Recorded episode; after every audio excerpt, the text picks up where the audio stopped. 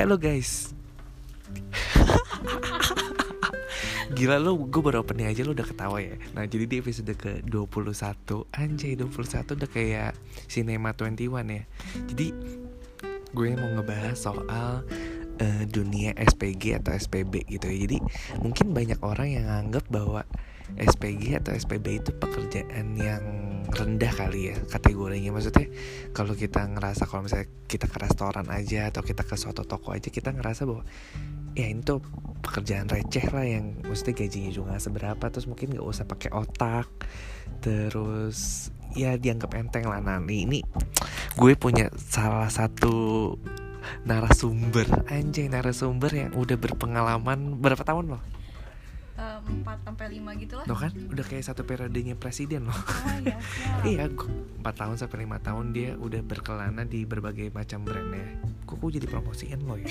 Langsung aja. Uh, awalnya ini cewek yang suka sering banget jaga-jaga di pameran-pameran yang kagetan ya, yang kayak cuma sebulan. Nggak nyampe kan bahkan tiga minggu. Maksudnya nggak yang reguler ya. Jadi tuh kayak yeah, kita buat nama-nama cuan-cuan aja ya. Terus lanjut. Jadi awal mu awal mulanya lo bisa di SPG deh. Kapan dan gimana caranya SPG pertama itu pas dulu banget pas SMA nge-backupin orang di supermarket itu pokoknya tanya tuh yang apply tuh cici gue hmm. cuman karena di supermarket terus gajinya juga kecil dia mikir ah mas banget ah terus kayak gue ditawarin mau nggak? Tapi gajinya kecil banget lu mau coba nggak pertama kali? Terus karena gue pikir buat pengalaman siapa tahu ntar gue nextnya bisa apply lagi. Jadi ada pengalaman ya udah gue coba. Jadi masuk tinggal masuk gitu loh. Terus? Terus ya udah jaga sehari doang. Sehari doang? Itu benar-benar itu SMA kali. kelas? SMA kelas dua ya. After pulang sekolah atau lo bolos ini? Enggak enggak sabtu minggu. Oh sabtu minggu. Kalau sabtu minggu weekend gitu deh Terus itu eh, jualan apa waktu itu lo? Gak jelas tuh gila. Uh, itu apa? Obat kumur sistema nano tau gak? Nggak tahu gue. Ada kayak Listerine gitu. Iya, kayak Listerine, uh, cuma dia mereknya sistema nano. Oh, sistema gue tahu. Iya, kayak gitu lah, odol-odolnya iya, iya. gitu. Oh, kayak Colgate gitu-gitu lah ya. Terus ya udah di situ cuman kayak eh, nggak uh, jelas di briefingin kagak nyampe 5 menit terus berdiri berdiri product hmm. knowledge udah ya oke okay. tapi emang basically sebenarnya kalau jadi SPB atau SPG itu emang basically sebenarnya product knowledge sih iya, product, knowledge, knowledge sama ya lu bisa selling aja hmm. gitu saat orang nanya apa atau kayak lu bisa sebutin promo-promo terkait kayak hmm. gitu kan ya terus intensnya itu kapan lu udah mulai Intense masuk banget lulus SMA iya intens bangetnya itu uh, lulus SMA kan libur panjang. Nah, that's right. Oke. Okay. Terus nah, jaga di proyek apa? PRJ? Enggak, gue lulus SMA nggak boleh PRJ.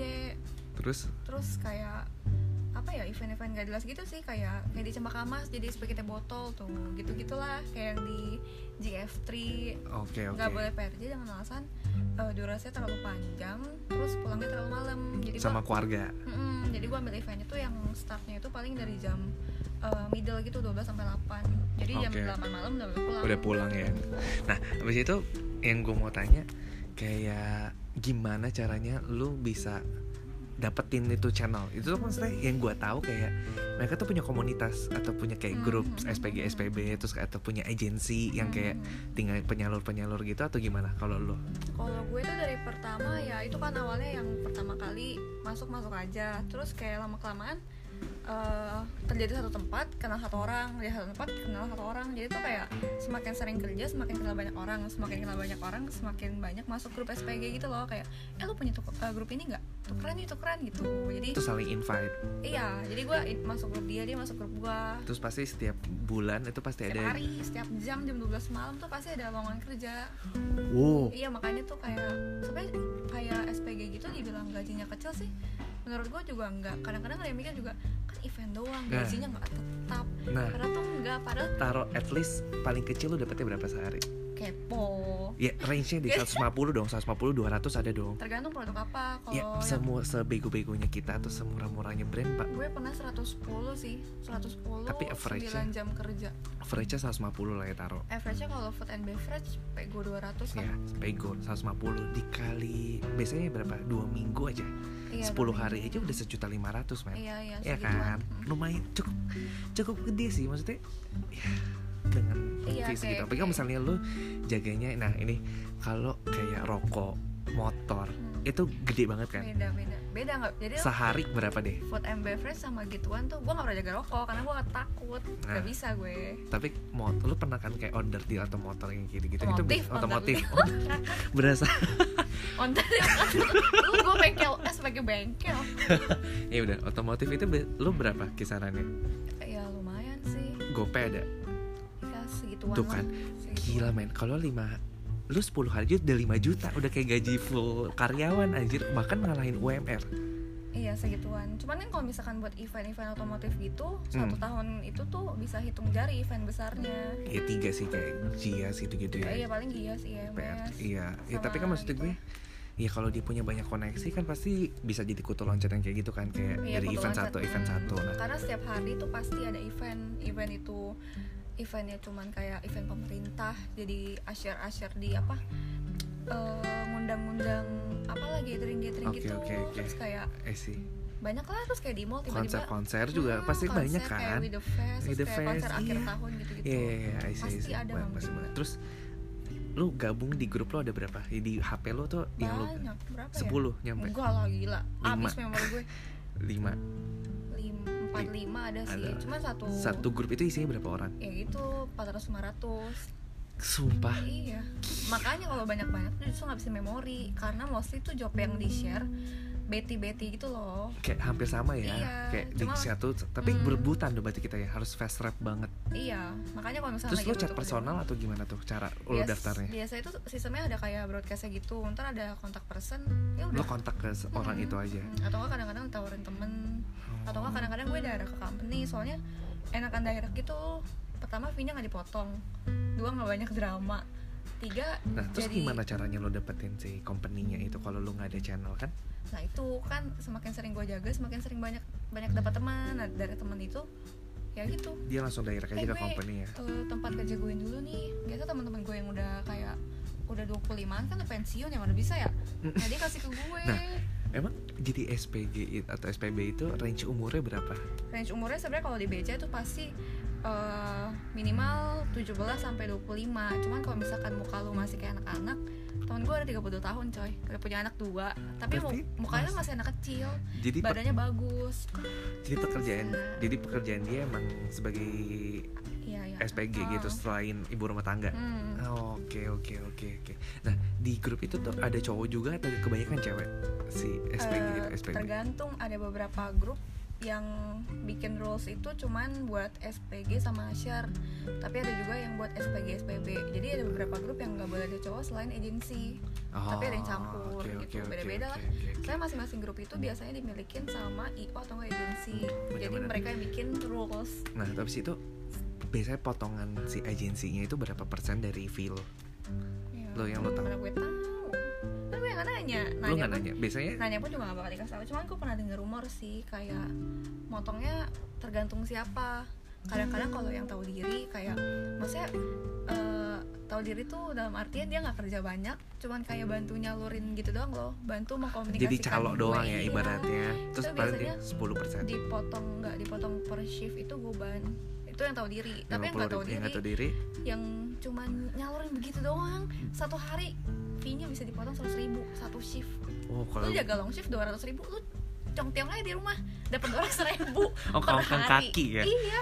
Cuma modal eh gue ada lowongan gitu ya Iya, lebih tepatnya gitu nah, ya? iya. tapi itu itu kayak lebih ke penyalur sih. Tapi ada yang agensi tuh yang kalau misalkan dia motong cepet tapi itu dia in touch banyak. Misalkan kayak interview interview dia datang nih kayak ngurusin oh kamu nih SPG ini eh, interviewnya jam segini jam segini. Terus dia kayak bantu informasiin kerjanya kayak gimana terus kayak ngabarin. Itu kalau dia motong cepet gue masih oke. Tapi kalau yang kayak cuman by beli phone lepas gitu doang by ya? phone doang kamu datang ke sini jam segini ya.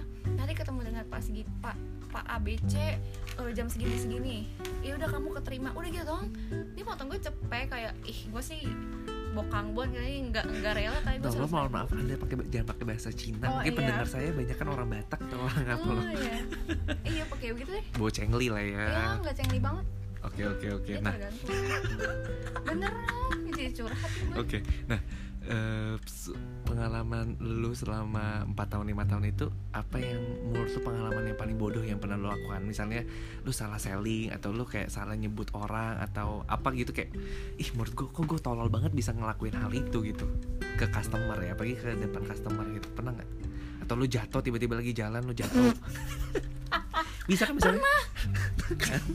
Di PRJ PRJ tahun pertama gue kan jaga motor Yamaha kan. Nah, bajunya tuh kayak baju cherry bell gitu terus pakai wedges warna putih lu bayangin. Nah. terus kalau di situ kan sistemnya selling juga. Kalau mau selling lu Hmm. mau SPK tuh harus naik lantai dua. Mm-mm. terus saking gue stres yang nggak jualan tuh berapa hari tiba-tiba jualan. Excited ya terus naik tangga buru-buru ya tau lah apa yang terjadi gebuk terus Untuk naik apa untuk turun? naik tapi untungnya naik bukan turun kalau turun ke dinding gue terus ya udah Depan customer ya? cuman nggak untungnya nggak terlalu rame siang-siang gitu Oh ada customer ya tapi di belakang lo ngikutin Enggak, dari belakang. Bapak tunggu sebentar ya, saya naik sebentar. Jadi dia duduk di bawah. Ya, jadi nggak ada yang lihat dong. Ya pasti ada lah tuh PRJ kan tempat umum, cuman nggak banyak. Oh, ya, selain itu. malu anjir. Iya sih, tapi nggak ada yang ngetawain lo kan? Gak tau Terus- gue, gue stay cool. gue langsung berdiri, langsung cepet-cepet naik. Nothing happen bro. Terus ada lagi gak? Paling yang malu-maluin nggak ada. Nggak ada. Ya paling jatuh-jatuh gitu kan gue suka jatuh ya orangnya. gue Lu udah sering banget Keseimbangan lo harus dicek gue deh. gue lagi jalan eh emang itu pernah keganggu keseimbangan gue Kok jadi sedih ya? kita bukan lagi jalinan kasih lo, lo jangan minta tiba-tiba. enggak enggak emang gue sering Jadi sering- kayak kita bisa.com Sering. nih. enggak gue sering jatuh Oke. Lu apa yang sering-sering jatuh Berarti lo gak bisa jadi waiters ya? Kalau piring-piring, piring-piring pada pecah. that's why gue gak pernah eh pernah juga tuh di PRJ jat- jatuhnya kan jadi SPG kayak kopi gitu loh Eh, panas tuh. bawa minuman dingin Iya. Oh dingin. Terus jatuh. kopinya tumpah Berapa gelas? satu sama makanan makanan kayak kayak apa sandwich gitu Itu customer lagi beli. Untung customer lagi duduk di lantai dua Terus gue naik ke atas Terus Terus akhirnya jatuh ke lantai gitu. Kena baju lo. Enggak, jatuhnya ke depan Tapi nggak kena orang kan? Enggak, orang di jatuh ke tangga lantai. Oh, terus habis itu lu turun lagi dong berarti. Iya turun lagi Terus diomelin nggak? Enggak, untung bos gue perhatian banget Dia malah, kamu kenapa Fer? gitu Oh. Jatuh pak Terus dia bilang, ah mau saya beliin obat gak? Kayak kamu biru gak? Kayak gitulah, baik banget modus, modus. Enggak tahu Eh, pura polos. nah, habis itu setelah itu kan kejadian yang lucu atau yang bodoh ya. Kalau kejadian yang karena gue nih pernah lihat langsung ya kayak Hmm. maksudnya waktu itu gue pernah ke PRJ juga dan Hmm. gue ya nggak tahu sih. Gue melihat dari gelagatnya dia tuh mungkin dia baru karena be- beda ya kalau orang yang udah experience atau orang yang ini kan pasti dia jalannya pede. Apalagi dia jaganya waktu itu seingat gue rokok sih. Bisa kan kalau rokok itu cewek-ceweknya pada pakai yang baju ya ya lo tau lo you know it kan kayak Hmm. mini mini gitu. Nah biasanya kalau yang udah pede pasti dia jalannya ya Bisa aja. layaknya model gitu kan. Tapi ini kayak dia insecure gitu sama badannya. Terus gue nggak tahu tiba-tiba dia tuh nangis setelah ketemu sama salah Sama satu lo. enggak lah gue sama customer gitu cowok nah menurut gue sih mungkin ya entah mungkin dia dilakukan pe- pelecehan antara fisik atau verbal bisa aja kan misalnya kayak Hmm, ngomong minta nomor. HP atau Hmm. kayak ih kamu seksi banget kamu apa Hmm. gue beli rokoknya tapi gue boleh minta nomor HP lo dong atau apalah ya lu pernah nggak mengalami hal itu Pernah lah, sering yang paling lu gak bisa lupain atau yang sakit hati yang bikin lu sakit hati tuh perkataan apa atau pernah diapain Karena dilecehin apa karena customer? iya dua Karena cowok apa cewek deh? iya dua-duanya Kalau yang cewek cowok- cowok Oh yang cowok itu eh, itu yang PRJ pertama kali yang yang Maha 2017 yang baju kayak Bell hmm. kan bajunya ngembang terus kayak nggak ada lengannya gitu kan Eh. terus kayak gue ya, ya gue gue ngerasa gue biasa aja cuman karena gue pertama kali jaga otomotif terus kayak gue tuh masih belum bisa bedain customer yang serius beli sama modus. Hmm. nah gue tuh terlalu polos, untuk Polos. tahun pertama. Oke. Terus ya udah dia kayak "Ini motornya berapa mbak? Spesifikasinya apa? Bla bla bla. Pokoknya nanya panjang kan? panjang panjang kayak lebar kayak tiu panjang banget deh. Terus gak lama endingnya dia minta nomor. Nah begonya gue tuh kayak gue dengan mudah memberikan nomor nomor itu nomor pribadi bukan nomor kerjaan ah, nanti nggak? Seharusnya oke. kalau misalkan lagi event gitu ada baiknya beli nomor nomor lagi satu. Palsu gitu ya nomor iya, fake nomor gitu lah event nomor buat Ah, sebulan doang. ah, terus? Ya udah gue dikasih kan kayak abis itu gue di ya udah kayak di, diteror? lu bayangin Bener-bener, lah. ditelepon. Habis di telepon eh enggak pertama di WhatsApp. Mbak Vero eh, ini motornya diskonnya berapa gitu? Terus udah jelasin. jelasin oh segini ya mbak. Oh ya udah boleh eh, kita ketemuan aja ya kayak gitu. Gue nggak mau lah Terus- biar kata bos gue gak kali ketemu sama abang-abang anjir. Serem banget sumpah. Terus habis itu? Namanya Saiful ya kalau nggak salah ya. Pokoknya serem deh. Terus nggak mau nggak mau nggak mau. Ditelepon terus? Dia telepon pertama telepon WhatsApp. Terus akhirnya gue gua blok dong WhatsAppnya. Udah gue blok telepon pribadi yang nomor enggak biasa? SMS dulu. Mbak Vero kok saya jadi tidak Di bisa. WhatsApp Mbak ya. Terus gak gue balas gak lama dia telepon HP sampai gue cari di Google bagaimana cara blok nomor orang. Terus akhirnya gue blok akhirnya oke. ya udah semenjak hari itu udah gak pernah itu lagi. Terus gak lama gue ganti nomor sih. Habis itu dan lu jadinya belajar dari pengalaman itu kayak setiap kali lu jaga SPG terus kalau dapet cowok-cowok yang modus gitu lu kasih nomor-nomor fake gitu ya. jangan sembarang kasih nomor orang.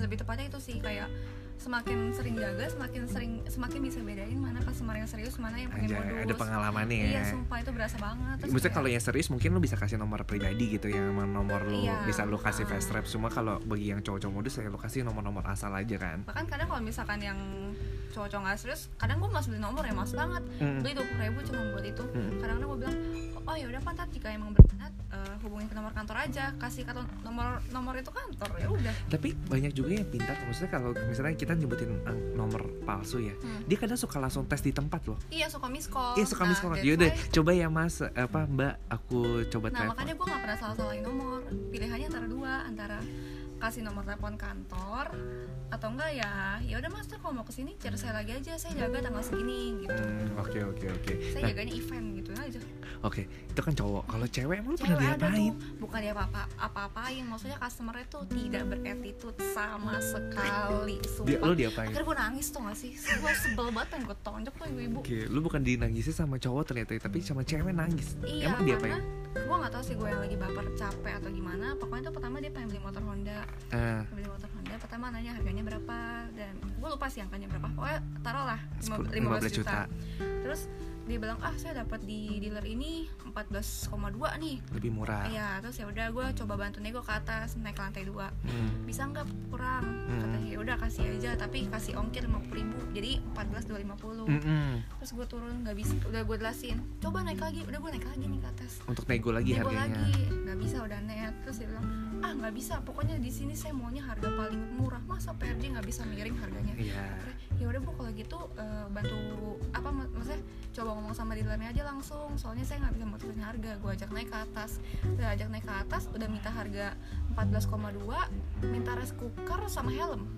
Ada gratis gratis gitu deh. Pokoknya hadiah hadiah buat Hiburan gitu happy ya. hour happy Ah. hour gitu lah. Terus? Terus nggak mau. Terus nawarnya tuh kayak apa? Kayak nawar tas di mangga dua dia kayak melototin gue gitu. Ini nggak bisa 14,2 jelas dari awal tuh gue udah bilang bukan gue nentuin harga. Ya tapi kan dia waktu ke atas ketemu orang Hondanya dong langsung. ketemu ketemu orang dealernya. Dealernya terus akhirnya? Iya terus akhirnya endingnya tuh dia bilang dia dia berdiri melototin gue ngeliat gue ke bawah. Kan gue duduk nih kayak gini eh, kayak tatapan ibu tiri ya.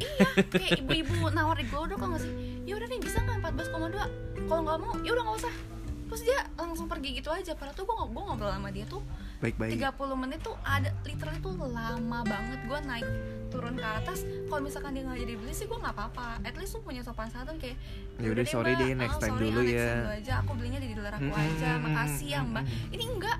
Kayak nawar tas mangga dua yaudah deh kalau nggak mau udah pergi aja. Akhirnya dia pergi. dia buang muka ke gua lu bayangin lah. Gua gua nggak tahu itu gua nggak tahu gua yang terlalu baper apa gimana. Pokoknya sakit hati nggak sih lo digituin? Gue sih sakit hati sih. Kayak lu tuh nggak sopan banget gak punya sopan santun biar kata gue Tapi dia nggak ngomong kasar kan sebenarnya. enggak tapi nggak sopan. Iya sih maksudnya nggak kayak sopan banget gila. maksudnya ya udah kalau misalnya emang lu nggak suka sama harganya kan tinggal ya udah deh mas kemahalan nih saya iya next kalau time. gitu gue masih bisa terima Hmm. maksudnya. Gak usah natap kayak sinis gitu ya. Emang gue ribut apaan sama iya kayak seakan-akan tuh gue kayak kacung tuh gak sih? Eh. di boot sebel banget. Tapi abis itu dia beneran gak jadi beli? Enggak pergi sumpah langsung gue kata-katain tuh ibu-ibu. Aduh gue lupa sih mukanya gimana. Pokoknya orang tang-tang deh.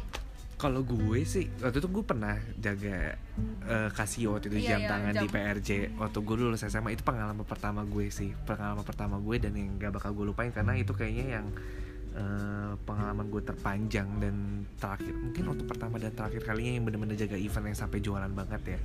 Terus di situ tuh pertama yang gue rasakan adalah malu. Itu udah pasti sih. Maksudnya kayak duh nanti kalau ada ke teman-teman gue. Nah karena notabene di situ temen gue nggak ada loh. Oh nggak ada yang belum sebagian. ah ah, kalau kecuali kayak oh ternyata temen gue banyak nih. Kadang kan kayak misalnya kampus-kampus lain juga gue juga nggak ada temen gue. Ya ya kan tapi kan maksudnya ya itu makanya kan balik lagi mungkin karena Encil lo udah pernah. Kalau gue kan keluarga gue belum pernah tuh. iya iya terus lu malu jadi Iya, iya kan kayak anjir kalau nanti ketemu saudara gue, temen gue Iya, atau siapa lah guru gue atau siapa kan gue males terus ih jadi gini doang ya gitu-gitu kan. Anjir anjir anjir. Gue udah berdoa tuh seminggu pertama gue berdoa semoga jangan ada yang ketemu Iya. terus masih ketemu lah PRJ iya tapi ujung-ujungnya tapi nggak banyak sih karena teman-teman gue mungkin lebih ke budget ya karena masuk PRJ aja bayar kan. Terus kan jam Casio mahal coy. Jadi kayak ah nggak mungkin lah mereka nggak mampir beli gitu kan. Terus terus ya udah lambat laun terus kayak eh waktu itu gue satu tim. Satu tim itu ada lima orang. Dan itu tuh kita dibagi ada tim leader sama maksudnya tim leader tuh yang ibaratnya yang udah berpengalaman terus tahu produk knowledge jadi kalau misalnya ada apa-apa tuh kita nanya sama dia. Kalau gue kan kayak baru gitu bahkan settingan jam aja gue nggak ngerti tuh kalau tombolnya banyak oh, kan. sekarang sudah ber, ber- apa profesional dong Nggak Nggak juga tapi ngerti.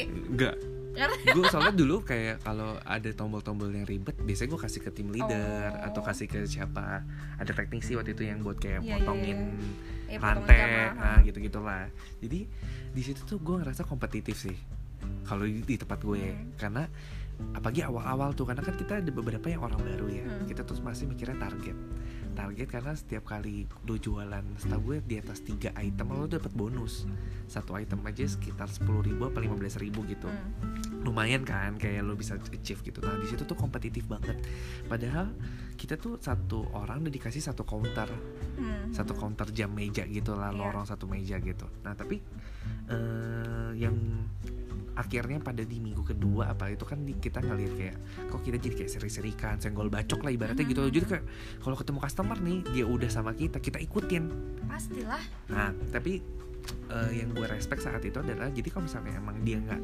pas kita lagi jaga di meja ini dia emang nggak beli di meja kita, Hmm. saat dia ke meja orang lain ya udah biarin si orang lain. Hmm, itu Gitu. sistemnya kayak gitu bukan diikutin terus Nah, pada end kan pada end tuh akhirnya sistem yang kedua yang diikuti maksudnya yang udah kalau emang si kliennya pergi, customer Hah? pergi udah lo nggak usah ikutin, lo j- tetap jaga iya, di iya, meja iya, lo. iya, iya. Soalnya Ngerti, ngerti. kalau lu kan enak maksudnya kalau kayak motor itu kan iya kebuka kan, jadi ya lu di ketutup di Nah, balik. Bahkan gue tuh kemari. sedihnya yang gue kayak pernah cerita sama iya. gue makan tuh di di bawah orang lagi jalan jadi di belak di bawah meja kios kiosnya iya jadi makanan dilangkahin. Iya terus gue ganti gantian terus abis istirahat cuma misalnya makan kan 12 sampai jam 1 ya udah itu kan berlima kita ganti gantian terus abis itu kalau misalnya lu makan yang paling pertama lu gak enak dong kalau lu Iya. makannya lama-lama. Terus kasihan orang kedua tiga empat lima lu yang lagi lapar banget kan. Jadi kadang kita kak udah lapar belum? Kalau udah lapar maksudnya suruh dia ma- makan duluan aja. Jadi kita yang gak lapar makannya belakangan. Dan waktu itu yang gue ngerasa capek banget itu long shift sih. Hmm, karena di Lusut tuh gak ada yang shift shiftan gitu apalagi weekend ya. Iya. Gila itu bener-bener sih gue ngerasa kayak dari kaki kepala pala ke kaki. Dan gue nggak ada dikasih tempat duduk iya iya berdiri terus terus kayak setiap kali ya ada iyalah tapi juga SPP pasti berdiri lah Iya sih, tapi gue beruntung sebagai pria yang kayak pakainya sepatu datar. Kalau gue Iya. ngeliat yang kayak jualan Ah. momogi, jualan lo yang motor, iya pakai baju pakai heels, men. 12 jam 12 jam gue kayak. awalnya capek pasti lama masih cuma lama-lama biasa aja Tapi gue kalau kalau di diri gue kalau customernya lagi rame, itu gue malah nggak berasa capek. iyalah iya kan? Karena ada kerjaan. Justru Iya. kalau lagi sepi tuh udah nggak jualan nggak ada orang bisa diajak ngobrol. It's- Wah, ih bener banget. itu kadang gue ngerasa banget. bahwa kalau weekend tuh waktu berputar dengan cepat. Iya. Kalau lebih banyak lebih gede. Iya. Kalau weekdays itu Iya, padahal PRJ padahal PRJ cuma dari jam 3 ya Tiga, jam 4 tiga. ya. jam 3 sampai, Sampai jam 10. Jam 3 kok masih sepi banget? Karena orang pulang kerja jam berapa sih? Jam tapi 5 juga serame-ramenya hari biasa sepi kan? Sepi. jadi kayak anjir Iya, lama banget satu gajinya- jam. oh, satu jam kecil. lama banget ya. Gue lihat jam masih jam 5 gue lihat jam masih Jam jam 6 anjir lama Iya, iya, banget. iya. udah sampai mulut gue berbusa kan waktu itu gue pernah ada pak greetingsnya gitu kan. Mhm. karena kita rame-rame jadi ada greetings oh lu yang greetings tuh jadi MC bukan jadi MC maksudnya kayak setiap kali ada orang lewat eh sama gua- Ted eh, boleh kasionya iya kasih iyalah iya iya iya iya iya. Kasih iya udah jadi ringtone gue cuma itu dia. Kasih Iya. silakan. Iya. Kasih silakan padahal kan gak ada yang mampir. Saking bosannya udah gak ada yang mau diajak ngomong tapi kan tapi kalau kan mending dalam hall kan? Iya sih. Adem gila ada gue minusnya. asem. Nah. Barang gue hilang lagi.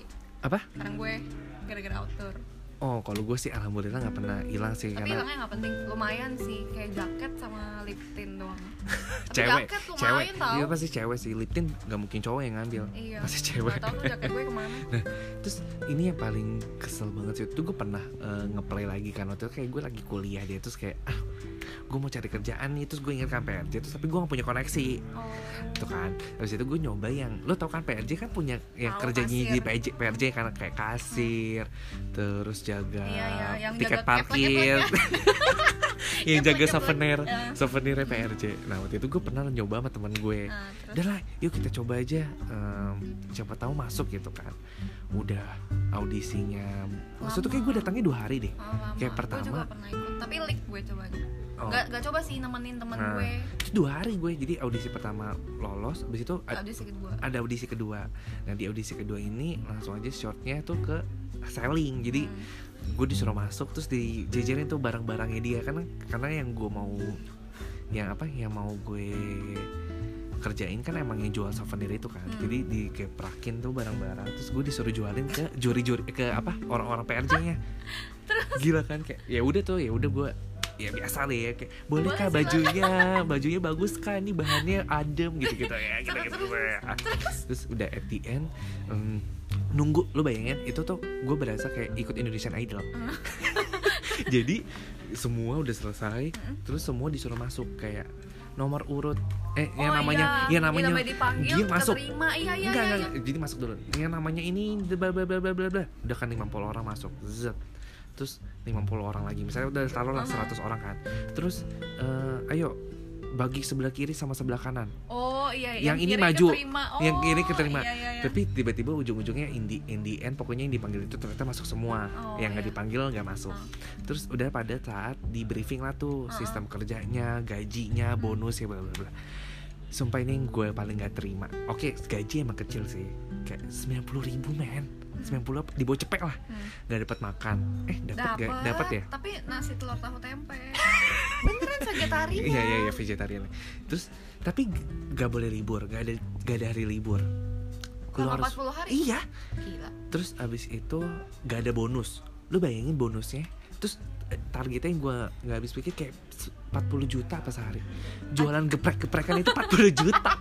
Ada target tapi nggak ada bonus. iya ada. adil. Terus bonusnya lo tahu cuma apa? Iya nanti kalau emang si loket kita apa kios Achieve. kita achieve kita boleh jalan-jalan gratis. Maksudnya kayak gantian gitu tetap gak boleh kosong. Misalnya lo satu kios tiga orang. Hmm. ya udah kalau udah lo achieve lo boleh ganti-gantian jalan keliling PRJ buat apa Hah? Gue tanya faedahnya Iya iya. iya. Nggak kalau nggak ada duit juga ngapain lu jalan-jalan Iya, keliling? iya. Lagi udah capek kan? Iya. Ngapain lu keliling PRJ? Gila kali ini orang yang paling terakhir. Ini yang gue nggak terima sebagai orang non muslim ya, apalagi terutama. Jadi waktu itu kan PRJ kadang suka in the middle of puasa kan, Iya. bulan Ramadan. Nah pas banget yang tahun keberapa tuh di tengah-tengah puasa. Iya, pasti Terus? biasanya. Eh, yang ngeselin adalah eh, yang Kristen ini katanya disuruh untuk jaga di luar yang non muslim di outdoor. Jahat banget kan maksud gue dia, bilang iya nanti kasihan sama yang muslim soalnya puasa jadi yang muslim nanti kalau siang-siang di indoor kalau malam baru di outdoor jadi tuh keren anjir ya kayak dalam hati gue biaya perawatan gue kayak lebih mahal dibandingkan gajinya gitu kan. Gila gue aja tuh dulu awal-awal kerja kayak sedia UC 1000 Imbos itu kayak iya hampir tiap hari. ya Imbos aja berapa duit nggak tahu. Mahal kan? Imbos gue mahal. biasa belinya itu vitamin vitamin dua Murahan ribu. Dasar. Maksudnya kayak UC 1000 aja sehari udah sepuluh ribu. Iya. Kayak anjir kos gue lebih banyak. Hmm. udah akhirnya gue gue tolak Iya. tuh. Gila sih itu kayak shit man. Gak habis pikir aja gue sama yang brand-brand yang sepelit sepelit itu tapi punya target tuh yang iya. gak make sense Hmm. maksudnya gue loh. Terus tahun berapa sih 2014 2015 kali ya pas gue lagi kuliah SMA kuliah gue. juga gue SMA 2013 yang gue jaga SPG kasih WPRJ kan gue lulus SMA 2013 2013 gue baru masuk kuliah deh eh baru masuk Gigi lo, SMA gue aja baru masuk kuliah sama kakak lo gue baru masuk iya iya gue berarti tiga tahun pendidikannya iya iya baru SMA Iya, ya makanya. Pokoknya itu sih perjalanan hidup gue jadi kayak jadi gitu. tips and triknya deh saat lu pengen jadi SPG atau gimana caranya supaya kita pede atau kayak nggak dianggap meremeh sama orang. oh yang pertama Cila yang pertama eh, yang pertama itu tips biar apa nih biar nggak diremehin Atau ya lu pede lah minimal lu pede Oh, atau pede. lu gak usah malu lah kalau lu dibilang jadi SPG, SPB atau jadi asher gitu. oh eh, yang pertama itu lu punya pemikiran punya goals kalau misalkan lu kerja itu buat diri lu sendiri bukan buat orang lain ngerti gak sih kayak ya gue kerja karena emang gue mau bukan karena takut orang ih SPG doang gila yang penting halal. jelas nah Kalau gue sih prinsipnya Ah. yang penting halal. pertama lu kerja buat diri lu sendiri dan lu tuh tahu hasil lu itu tuh emang buat diri lu sendiri bukan buat omongan orang lain gitu kayak Maksudnya lu bakal nikmatin juga kan Iya. hasilnya akan menuai. Eh, uh-uh. Gue ingat banget tuh gaji gue SPG seneng pertama banget pasti banget. Terus gue langsung wah terus abis itu itu zaman dulu kan gue nggak pernah punya HP bagus Mm-mm. atau kayak HP-nya tuh HP HP sisaan. Ah. di sekali itu gue beli HP langsung Android. Seneng banget. Seneng banget lah kayak anjir gue bisa Iya, beli HP ah. pakai duit gue sendiri. Iya. Dengan hasil usaha gue sebulan gitu kan. Terus abis itu ya ya yang penting halal sama yang penting selama lo kerja lo tuh bisa bedain eh, mana lingkungan tuh yang baik buat lo sama enggak. Karena di lingkungan dunia per SPG-an itu nggak seindah yang lo lihat. Karena kadang kan Nah. kayak hype banget gila. Udah kerjanya cuma SPG tapi sering banget ke luar negeri. Itu tuh sering banget kayak gitu. maksudnya betul. gue nggak bilang hal yang kayak gitu adalah hal yang Negatif, buruk ya. ah. cuman setiap orang nyari duit kan pasti ada tujuannya. Ada yang buat kuliah ada yang buat emang dia nabung ada yang buat traveling doang because dia udah udah Kaya orang kaya gitu. Nah yang penting eh, jangan terlalu ikut-ikutan orang gitu loh. Soalnya di lingkungan presbyterian itu banyak banget lingkungan yang toxic yang bisa menarik lo ke hal-hal yang sangat toxic. buruk. Toxic banget. Karena gue tuh bisa dibilang ha- pernah hampir terseret gitu. Terus sumpah kayak kayak gitu lah pokoknya. Panjang ceritanya pokoknya Hmm. kayak gue tuh sering banget dibilang lo ngapain sih kuliah? Katanya ngabis ngabisin duit. Hmm. mending lu SPGN aja duitnya Hmm. banyak. Hmm. Eh, lu ngapain sekolah tinggi tinggi cari aja anak bos. Kayak kayak gitu gitu. Iya iya kayak iya, begitulah. iya, terus banyak yang Hmm. eh, ngajak ke klub Hmm. rokok vape gitu. Pasti banyak. Jaga diri yang penting. Terus yang ketiga itu eh ya confidence gitu. Jangan eh, apalagi buat teman-teman yang badannya tuh nggak langsing ya kayak gue. Gue sering gue sering banget. Gue sering banget dikatain kayak gila eh, apa? Oh beruang. Lu tau beruang fikul gak fikul kaca film fikul Eh, ada beruangnya pokoknya. Eh beruang fikul gue sering dipanggil beruang terus kayak gila tangan lu gede banget. Gila berarti lu kayak Talas Bogor. Gila lu gendut banget. Pokoknya sering banget kayak gitu. Awalnya tuh gue kayak sedih banget. Iya, cuman iya. lama kelamaan body shaming kan itu. body shaming kayak udah sering sih. Cuman lama kelamaan kayak sempet awalnya sakit hati cuman lama kelamaan tuh yang penting lu confidence with yourself. Kayak lu tuh harus ngerasa lu cantik kok maksudnya lu cantik in your way tapi gitu lah. intinya emang yang saat lu masuk pun lu disaring kan? Disaring. Dan maksudnya pasti berarti di matanya si agensi atau si klien ya lu cocok sama nah kriterianya iya karena sama. emang nggak uh-uh. pernah ada SPG yang jelek banget sih menurut gue. Jarang banget. Iya, dan dan jangan underestimate yourself gitu. Soalnya kadang-kadang biar kata SPG eh, nggak cuma ngandelin appearance lo tuh harus smart gitu loh maksudnya selling lah ah, ya selling dan jangan percuma modal tampang doang Ah. gitu apalagi kalau produknya susah menurut Mm. gue dan eh, lo harus punya pride Jaila ya harus punya pride soalnya Yes. kadang-kadang ada yang kayak yaudah deh saya kasih nomor saya yang penting mas beli kayak gitu Ah, jangan iya, pernah iya. kayak gitu Anjay. kayak kayak Iya, buat bener, apa bener, gitu? bener, lu merelakan insentif lu paling ya lima puluh ribu untuk nomor telepon pribadi lu yang lu bakal diganggu diganggu sepanjang hari. Itu jangan banget. Maksudnya lu harus punya pride lu yakin kalau misalkan produk gue tuh bagus dan orang tuh butuh produk gue. Bukan Bener, bener. bukan bukan bukan sebaliknya gitu lah. Tapi satu hal sih yang gue juga pernah lihat waktu itu temen gue sendiri yang waktu gue jadi jaga SPG Hmm. itu banyak anak orang kaya juga kok. Iya. Jadi kayak gue merasa bahwa oh SPG itu bukan bukan orang bukan buat orang, yang- susah juga iya, gitu juga. Kuliah kuliah di LSPR cir banyak temen gue anak Enak please. Kuliah di mana. Terus kayak iya terus- HP-nya juga udah iPhone saat itu kayak Hmm. anjir SPG iPhone HP-nya. Iya banyak banyak. Nah, maksudnya tapi mereka tuh mungkin nyari ya duit tadi buat traveling Nah, biasanya. jadi nggak banyak orang banget tua tuh. kan. Dan ya emang buat kebutuhan dia dan pengalaman dia sih Iya. menurut gue belajar gitu loh. Jadi jangan menganggap kayak ah pekerjaan ini remeh nggak nggak nggak pakai otak gitu Iya, cuma modal. pakai otak gila. Orang mah sering banget mikir nggak pakai otak underestimate. Sebel juga kadang-kadang. Malah pakai otak lu gimana caranya belajar strategi strategi marketing masing-masing perusahaan di mana SPG itu kayak kutu loncat. Perusahaan A B C punya strategi yang berbeda dan produk knowledge yang berbeda. Nanti judulnya curhatan seorang. Iya aduh. Tangisan jadi seorang SPG gue. Enggak gue gak nangis ya Maksudnya jangan underestimate juga lah Kita kan juga pakai otak, pakai tenaga Harus cantik, Ini harus udah pintar 35 Iya udah lama banget gila Udah udah udah oke, thank you balik. for listening my podcast karena abis ini kita mau lanjut kerja lagi jadi babu ya. See you Iya, on next episode. Bye bye. Bye bye.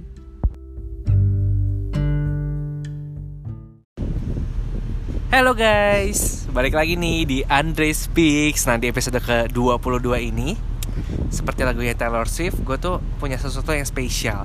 Jadi gue pengen menginterview salah satu temen dekat gue Tapi dibilang dekat juga enggak sih Karena gue malas gitu deket-deket dia Soalnya dia alay kan Menjijikan gitu. Jadi buat kalian pasti yang udah temenan sama gue di Instagram Di mana-mana deh pasti tahu banget Ini sahabat gue yang saat kuliah sampai sekarang alhamdulillah masih hidup dianya ya. Karena gue pikir kayak dia cepet mati karena dia ngerokok mulu.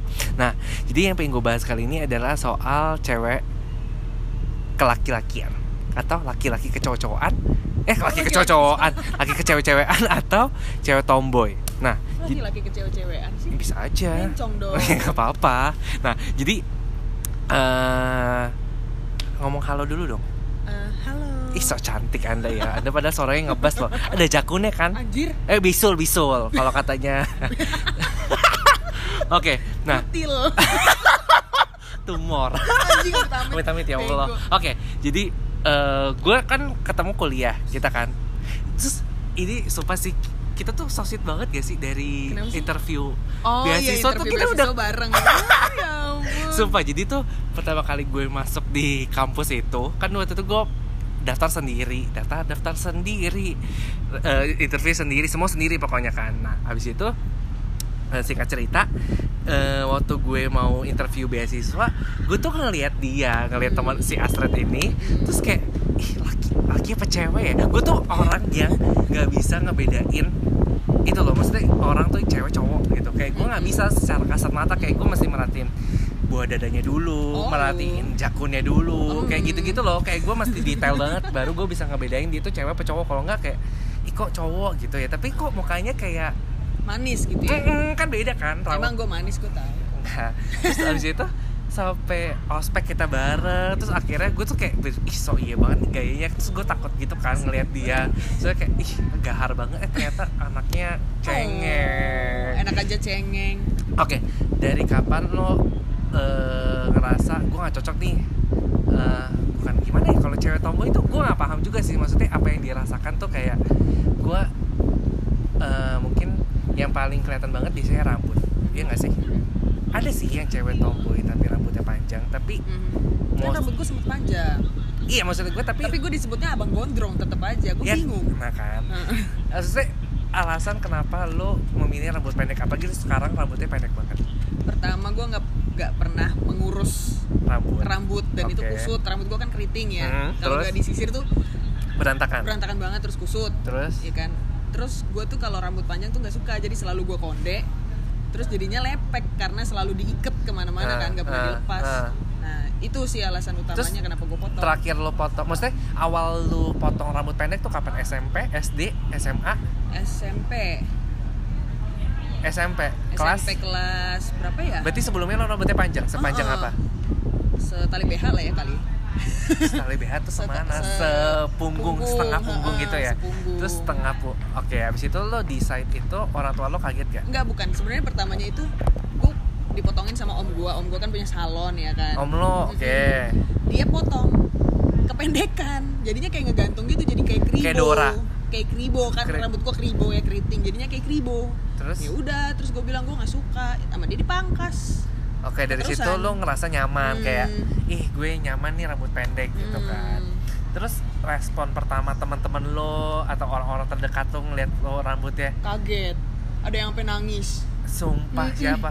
ada temen gua Karena lo je- makin jadi jelek itu udah dari lahir kayaknya Terus jelek. habis itu kenapa? iya karena mereka kaget aja kenapa dipotong rambutnya soalnya kan jadi, Oh. karena panjang kalau Ah. dulu SMP gue digerai Ah, terus tiba-tiba jadi cepak ah. nah pada, pada kaget Terus guru-guru gue lupa tuh guru-guru ya Eh kayak guru-guru juga Nggak notice lo ya, soalnya lo paling bego kan Ah, bener Nah, oke. Terus kalau lo ke tempat umum, ini sih sebenarnya pertanyaan yang bodoh, tapi gue juga kadang suka kalau gue di posisi itu juga mungkin gue akan bertanya, lo kan kita pasti ke toilet kan? Gak mungkin kan kita sepanjang ke publik tempat publik itu nggak ke toilet. Nah, Mhm. pernah gak lo ngalamin kayak lo disangka cowok? pernah Sering.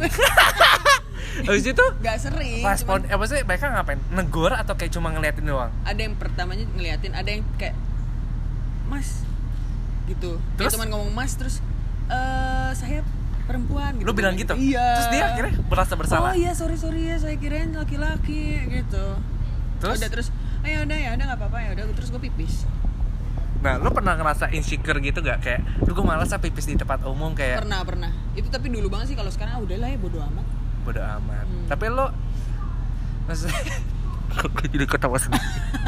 Iya sih, tapi gue juga pasti bakal kayak gitu kalau misalnya. Apalagi kan kalau cowok mungkin agak cuek ya Hmm. Siapa pun yang mau masuk. Tapi kan Hmm. kalau cewek kadang feeling Ih kok ada cowok masuk? Langsung Lo tapi gak pernah kan dilempar sendal atau oh dilem- enggak lagi lalu Enggak kan, gak pernah ada eh, tapi yang waktu itu gue pernah masuk toilet laki-laki bo.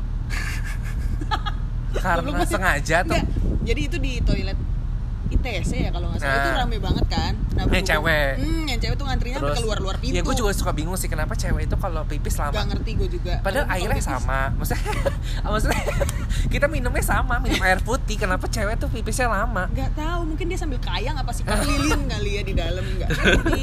Terus, pokoknya ya udah gue memanfaatkan posisi rambut gue gue masuk toilet laki-laki tapi gak ada yang curiga. Eh, toilet lakinya kayak kosong kebetulan kosong bener-bener Tapi pun orang kayaknya kalau menurut gue secara kasat mata tuh gak bakal dicurigain sih. kayaknya sih begitu Terus, nah abis itu indikator kedua selain rambut menurut gue itu tatoan. hmm.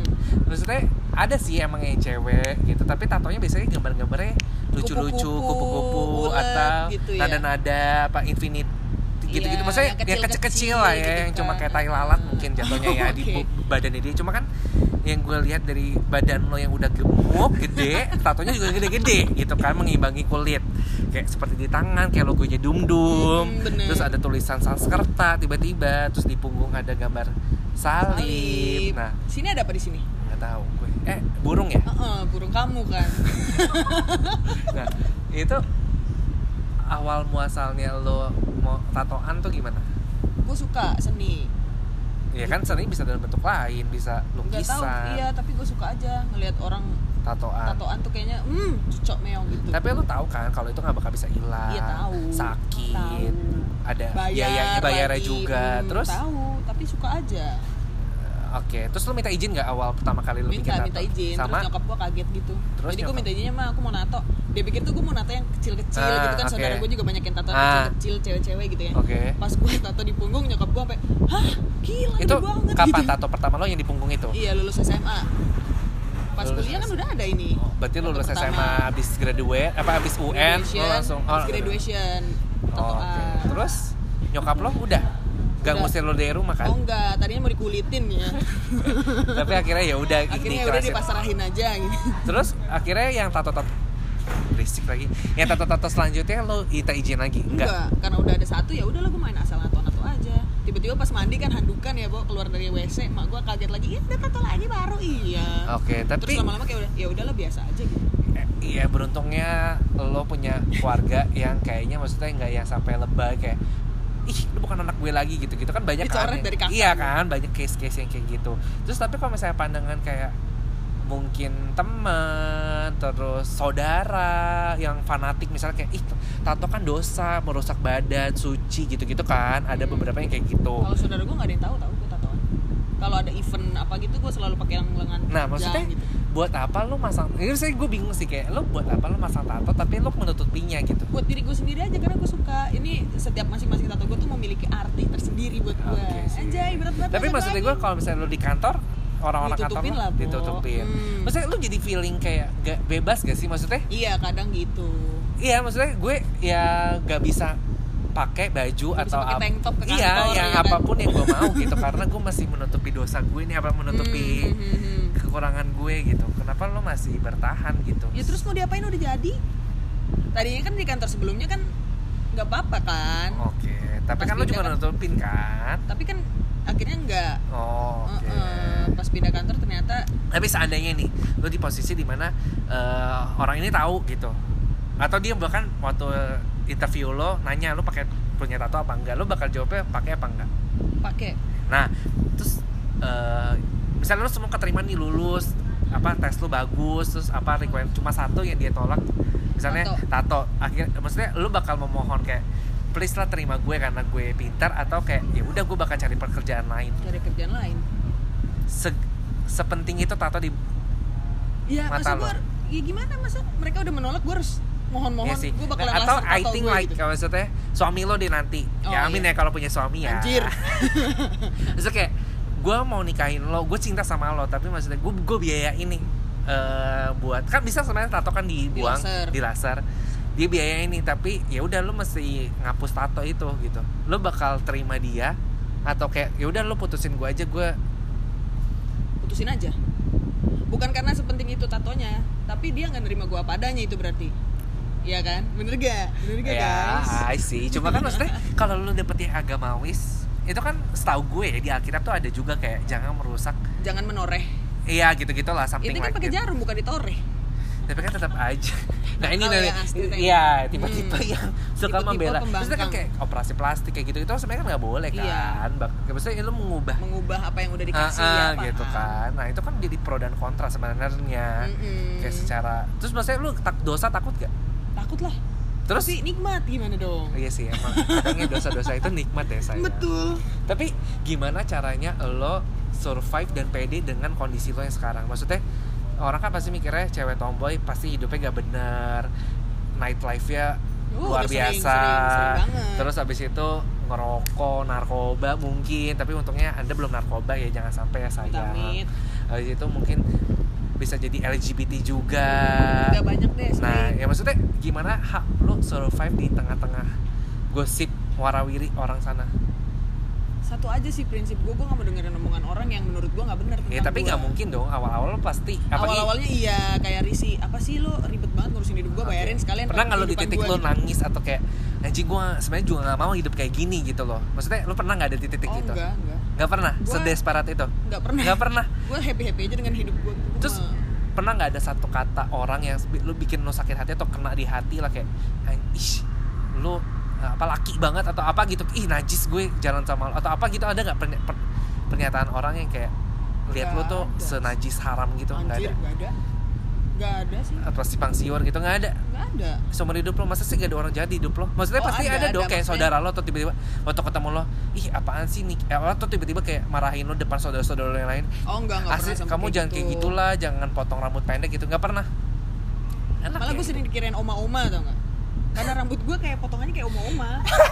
Tua dong. Tapi Iya. maksudnya berarti gak pernah seumur hidup lo, lo sakit hati gitu apa perkataan orang.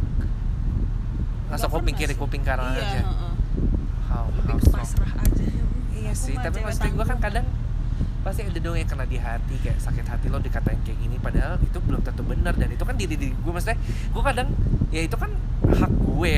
Gue juga tidak merugikan lo gitu kan. Kadang kan ada beberapa orang yang ngurusin hidup orang lain padahal anaknya sendiri aja belum tentu benar tuh Iya, kayak tante tante gitu kan ribet kan ngurusin anak anak orang padahal anak diri sendiri juga Hmm. belum tentu benar gitu kan.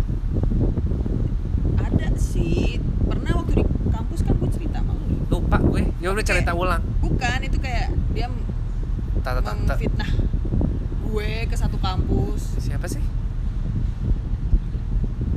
Di Ah, sensor ya di sensor iya iya. Iya adik kelas kita Hmm, itu. adik kelas kita itu yang kayak dia tadi emang ngomong apa? Kan dia menyebar ka- luaskan kabar bahwa gue eh oh. Oh padahal itu nggak benar. Iya sampai ke teman-teman deket gue sampai Sa- kayak ya udahlah sampai nah itu kan maksudnya lo ngerasa tuh nongkrong di kampus sampai sekarang eh sampai udah jadi males nongkrong gitu loh maksudnya nah itu gimana caranya lo mematahkan itu atau lo ya udah lo diemin aja, aja. Karena- Jadi- jadi lo nggak mau kayak mengklarifikasi kalau enggak ya itu enggak enggak apa juga ya maksudnya sampai temen gue ada yang cerita juga nih temen gue yang mendengar nah, gosip itu nah.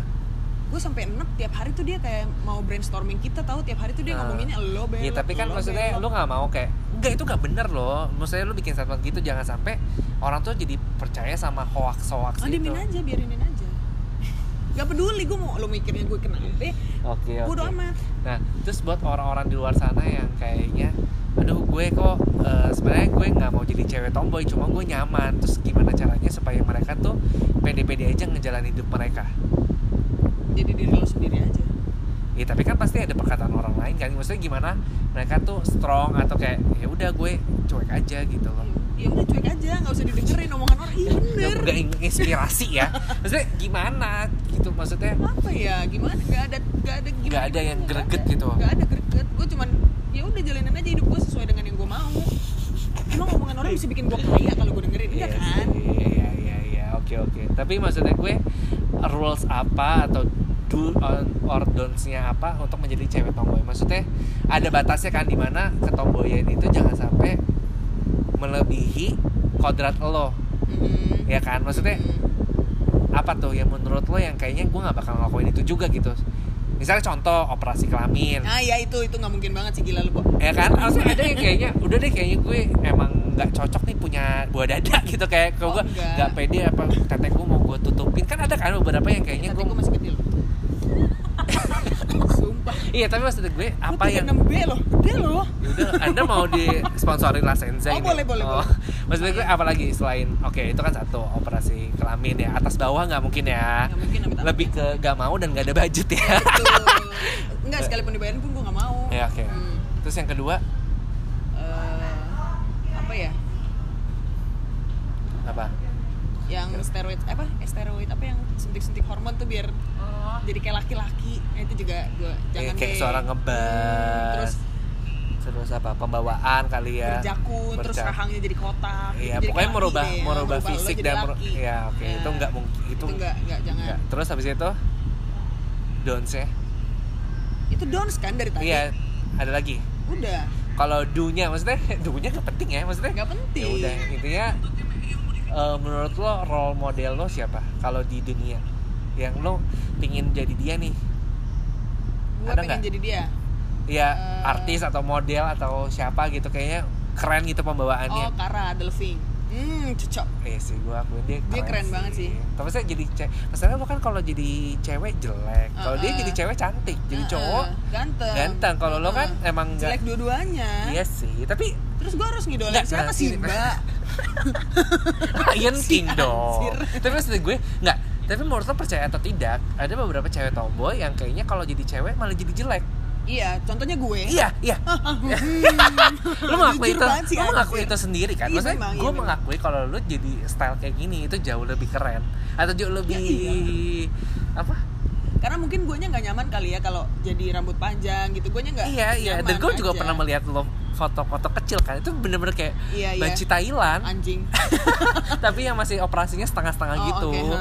Maksudnya that's why kenapa mungkin dia mengubah looknya karena looknya dia bahkan lebih bagus. Tapi ada juga yang udah jadi tomboy pun tetap aneh mukanya jelek. Maksudnya kayak kalau gue enggak kan gue Iya cakep kalau kan iya, iya kalau lo kan dari aslinya diubah jadi lebih bagus, tapi ada yang kayaknya udah aslinya jelek diubah makin jelek lagi atau nggak Ah, cocok. Ada kan beberapa karakter muka tuh yang kayaknya nggak bisa dia apain udah Ah, pasrah ah, aja ah, gitu ya ah. Nah itu gimana menurut lo? Maksudnya ya udah apakah nggak usah diapain terus harus diapain diapain Nah, pasrah Oke, selain fisik yang membuat seseorang itu bisa dikatakan tomboy itu apa? Itu kan tadi bawaan kali ya contoh pembawaan orang tomboy yang lo rasakan dan orang lain yang pernah lo temuin apa? yang gue rasakan nih Iya. gue jadi kayak sikapnya tuh kayak lebih ke bodoh amatan gitu sih ya. Cuek. Jadi kayak eh, Nah. sifat laki-laki kan lebih ke cuek Oke. gitu kan. Terus? Terus kayak iya bodoh amatan gitu deh. Nah, terus? Ah. nggak ada lagi? Gak ada lagi udah. Anjing emang gue narasumber bego ya. Iya emang nggak menginspire. Lo gimana mau di interview mata Najwa lo? Oh iya bener juga. Nah habis itu apalagi ya pertanyaannya gue jadi bingung deh. Karena lo jawab singkat-singkat anjir. Gue bingung harus jawab apaan. Ya maksudnya kan gue pingin melihat kondisi se- se- sekarang tuh di Indonesia menurut lo banyak gak Banyak. Banyak banget. Banget. Banget. Dan itu yang gue sebel kenapa setiap orang yang tomboy selalu dipikir LGBT gitu. Padahal gak semuanya. Kayak mi- mindset orang tuh udah oke. tomboy. Terus gue jalan Ah, berdua sama ah, teman gue ah, nih. ah. Dipikirnya pacaran. Padahal Ah. enggak anjir. enggak enggak, enggak. Iya. Dan contohnya kayak dia ya gitu kan bukan anak kita ya guys. Karena kita belum married. Nah lanjut. Terus maksudnya gue eh, gimana caranya lu jangan sampai diamuk masa gitu loh. Maksudnya kan sekarang apalagi kalau lu Iya. tinggal di kampung ya itu kan rasis banget kayak bener-bener anti LGBT anti cewek tomboy kayak gitu gitu pakai bikini kali ya bawa kalau ke kampung. Biar menunjukkan kalau gue punya tapi lo pernah nggak? Ya tadi kan soal temenan. Lo pernah nggak lo temenan sama cewek terus tiba-tiba orang tuanya kayak kamu nggak usah temenan sama anak saya Oh, deh enggak, kamu enggak. membawa pengaruh negatif Enggak. baik secara pergaulan ataupun takutnya anak lo pacaran sama lo gitu Enggak, malah teman-teman gue suka memakai nama gue buat izin pergi malam. ih sama ah, gue jadi korban dia. kayak gue nama gue tuh selalu disebut-sebut terus tidur gue kadang suka nggak tenang Ya bener terganggu. oke oke jadi teman saya so far orang yang lo temuin tuh selalu baik-baik ya Baik-baik ya. Kayak semua- karena gue baik juga ya. Baik. Tapi apa yang lo ngerasa di Indonesia tuh kayaknya nyebelin tapi di luar tuh enggak. Maksudnya kenapa di luar tuh Orangnya nggak kepo kali ya kalau di luar ya. Kayak Iya. terserah deh lo mau sama laki mau sama siapa juga terserah lo mau sama Ah, yang umur-umurnya ah, beda ah. 50 tahun juga Ah, mereka nggak ah. peduli kan kalau di sini kayaknya orang-orang terlalu kepo deh ada kecelakaan aja orang pada berhenti Iya iya ya iya. iya. Bikin Padahal gak nolong cuma ah, ah, jadi penonton bayaran doang bahkan nggak dibayar. Ah, ah, terus Nah. Sorry iya terus nah eh, ada nggak lo keinginan untuk pindah ke luar negeri karena melihat kondisi Indonesia yang kayaknya kok lama-lama kayak anjing gitu yang maksudnya gue jadi males tinggal di Indo dikit-dikit diliatin dikit-dikit ditanyain dikit-dikit diomongin. Ada nggak keinginan untuk pindah keluar dulu sempet ya dulu. Waktu gua masih mendengarkan omongan-omongan orang ya. Tapi sekarang? Bodo amat. Jadi tetap mau di Indo tetap aja? Indo. Tetap Indo lah. Keluar negeri gua nggak sanggup. Lebih ke budget. Balik ke budget lagi. Oh, kalau ibu sebenarnya tomboynya lebih ke budget. Ah, bener. jadi kan kalau kalau cewek kan keramas panjang panjang ma- banyak sampo salon, ya iya. kalau saya kan cuma pakai seiprit udah berbusa. iya benar benar benar Hmm. benar benar nah terus selanjutnya nih pasti soal jodoh susah dong untuk dapet. Maksudnya? Oh enggak sih. Enggak beneran. Nah itu hoax atau eh, fakta atau mitos? Maksudnya kayak ah kayaknya cewek tomboy itu susah deh buat di buat dapetin pasangan. Mitos. Ya tapi sampai sekarang gue masih ada kok yang deketin. Nggak ada yang kayak kok dia lebih laki dibandingkan gue? Atau kok kayaknya dia tegas ya orangnya? Maksudnya ada beberapa cowok mungkin yang kayak gue jiper duluan karena dia kok tomboy. Terus atau malas deketin lo kayaknya eh jangan-jangan dia nggak suka cowok. Atau kayak oh ya udah. nih tapi maksudnya so far lo ngerasa mereka baik-baik aja sama gue atau aman-aman aja. Iya tapi malah mostly ma- waktu rambut gue panjang gak ada yang deketin. Karena Itu lu jelek banget. iya anjir waktu gue pendek justru ada yang deketin gue bingung nah Apa gimana jangan itu laki-laki homo kali ya jangan-jangan dia nggak tahu kalau lo Nah, iya tapi maksud gue ya berarti berarti itu kan mitos menurut lo Hmm, menurut gue mitos Nah tapi gimana caranya supaya lo tuh tetap terlihat cewek apa? Maksudnya cewek pada umumnya di depan cowok itu gitu. sikap gue lebih kayak maksudnya gue perlakuan gue tetap kayak manusia perempuan kok Jadi nggak sampai yang. kayak satpam Iya, ya jadi maksudnya kalau tiba-tiba ada cowok yang deketin lo, lo welcoming banget. welcome Kayak tergantung cowoknya maksudnya Oh, tergantung nggak semua cowoknya. cowok gue hayu Oke. Tapi apakah ekspektasi cewek cewek tomboy pingin dapetin cowok tuh yang berotot, yang laki banget lah, yang maksudnya berbulu bewokan kan ada Uh, cowok yang monyet. kayaknya agak-agak leto ya sayang, apalagi Ah. zaman sekarang maksudnya bukan gay tapi maksudnya Ah, ada kan ah, cowok yang kayaknya jalannya biasa, maksudnya Uh, gak keker gitu Iya. loh. Nah cewek tomboy tuh biasanya pinginnya tuh dapetin yang lebih laki atau yang kayak ya udah biasa kalau aja. gue ya gitu. kalau gue Ah. kalau gue seleranya memang iya yang gede-gede yang tatoan yang maco brewokan Maksudnya yang Nah, berarti yang lebih laki kalau dibandingkan gue- lo kan jangan sampai lo punya cowok yang yang lebih ah jangan-jangan lu gue sama yang- dia cuekan di lu gitu Iya. kan maksudnya lo pinginnya dapetin yang Heeh, lebih bener. laki lah ya lebih yang kayak strong nih bisa jagain gue bisa gendong gue gitu. Tuh, kan jangan sampai gue gendong dia. encok nanti dia gendong gue. Maksudnya kan ya contoh deh misalnya aduh sebut artis nanti gue dilecehin Eh, jangan, maksudnya kan kayak ya maksudnya ada kan lo tau kan Ya, artis yang udah tahu, married? heeh. tapi sebenarnya kalau di TV tuh kayak gitu Heeh. gitu kan tapi maksudnya lu gak mau berarti dapet cowok yang kayak gitu kan Enggak. maksudnya maunya kayak Yang Chico maco. Jericho, Hmm, Rio maco. Dewanto Uh, gitu-gitu ya yang main-main film-film The Hmm, Raid gitu kan hmm, betul Oke, oke. Nah buat di titik di mana menurut gue kalau misalnya lu jadi cewek tomboy itu orang tua lu nggak setuju apa yang lu lakuin atau lu mau kasih saran apa nih sama orang-orang di luar sana pasti kan eh, masalah utama tuh di keluarga. Kayak pasti keluarga nggak setuju kan kamu kan cewek kenapa kamu tatoan? Kenapa kamu rambutnya pendek? gitu. Kalau keluarga gue sih lebih ke rambut kayaknya. Enggak maksudnya gue gimana orang Ah, lain? Kan oh. keluarga lu udah nggak penting. Maksud gue pastilah mostly oh mungkin orang tua lo berisik lagi. Mungkin kan orang tua lo ya salah satu orang tua yang welcome welcome ah aja maksudnya gitu ya, salah satu mendukung. orang yang ke arah barat-baratan ya. Maksudnya Ah, ah, kayak yang bener. penting anak Karena gue kan nggak tuh keturunan bule memang ya. Maksudnya gue gimana caranya orang-orang di luar sana apalagi yang masih akil balik yang masih pubertas Ah. yang masih SMA SMP tuh kayak ngerasa gue tuh sebenarnya lebih nyaman rambutnya pendek loh. Gue nyaman tuh tatoan loh atau gue emang kayaknya maksudnya nggak demen jadi cewek yang lenje-lenje loh. Gimana tuh caranya mereka ngomong ke orang tua dia atau survive di strugglingnya dia tuh? Kalau memang lo nyamannya seperti itu lo ngomongin dulu nih ke orang tua lo. Oke terus Nah, kalau orang tua lo nolak? Kalau gue jadi mereka gue Iya. tetap melakukan karena oh, apa yang even lo diusir dari rumah. Oh jangan dong gue nggak bisa hidup nanti. Ya tapi kalau orang tua yang super keras maksudnya lu gak ada pilihan cuma satu atau dua cuma dua kan? Satu lo ikut dia dan tetap dianggap jadi anak atau ya lu keluar dari rumah udah lu lost contact gitu. Ada kan lu tinggal pilih dua kan sebenarnya. Ada orang tua yang welcome ada orang tua yang unwelcome banget nih kayak Hmm. garis keras. Gue nggak mau tahu apalagi kalau anak satu-satunya men. Hmm. itu jadi beban banget Iya kan? sih. atau jadi anak cewek satu-satunya terus tiba-tiba brojol gede kok jadi kayak laki gitu gue. kan. Nah iya maksudnya? Nah itu tuh gimana tuh?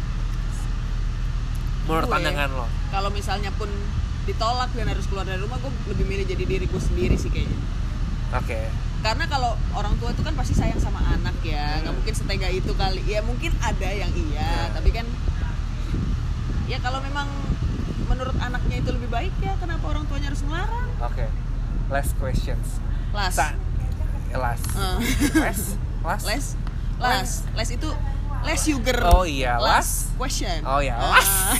Mau lu jadi bikin gue terlihat bego lo di Iya, podcast apa-apa gue lah. Belajar, kita dulu Last belajar. questions. Ah, Seandainya anak lo yang tomboy, reaksi lo gimana? nggak apa-apa Oh iya, usah.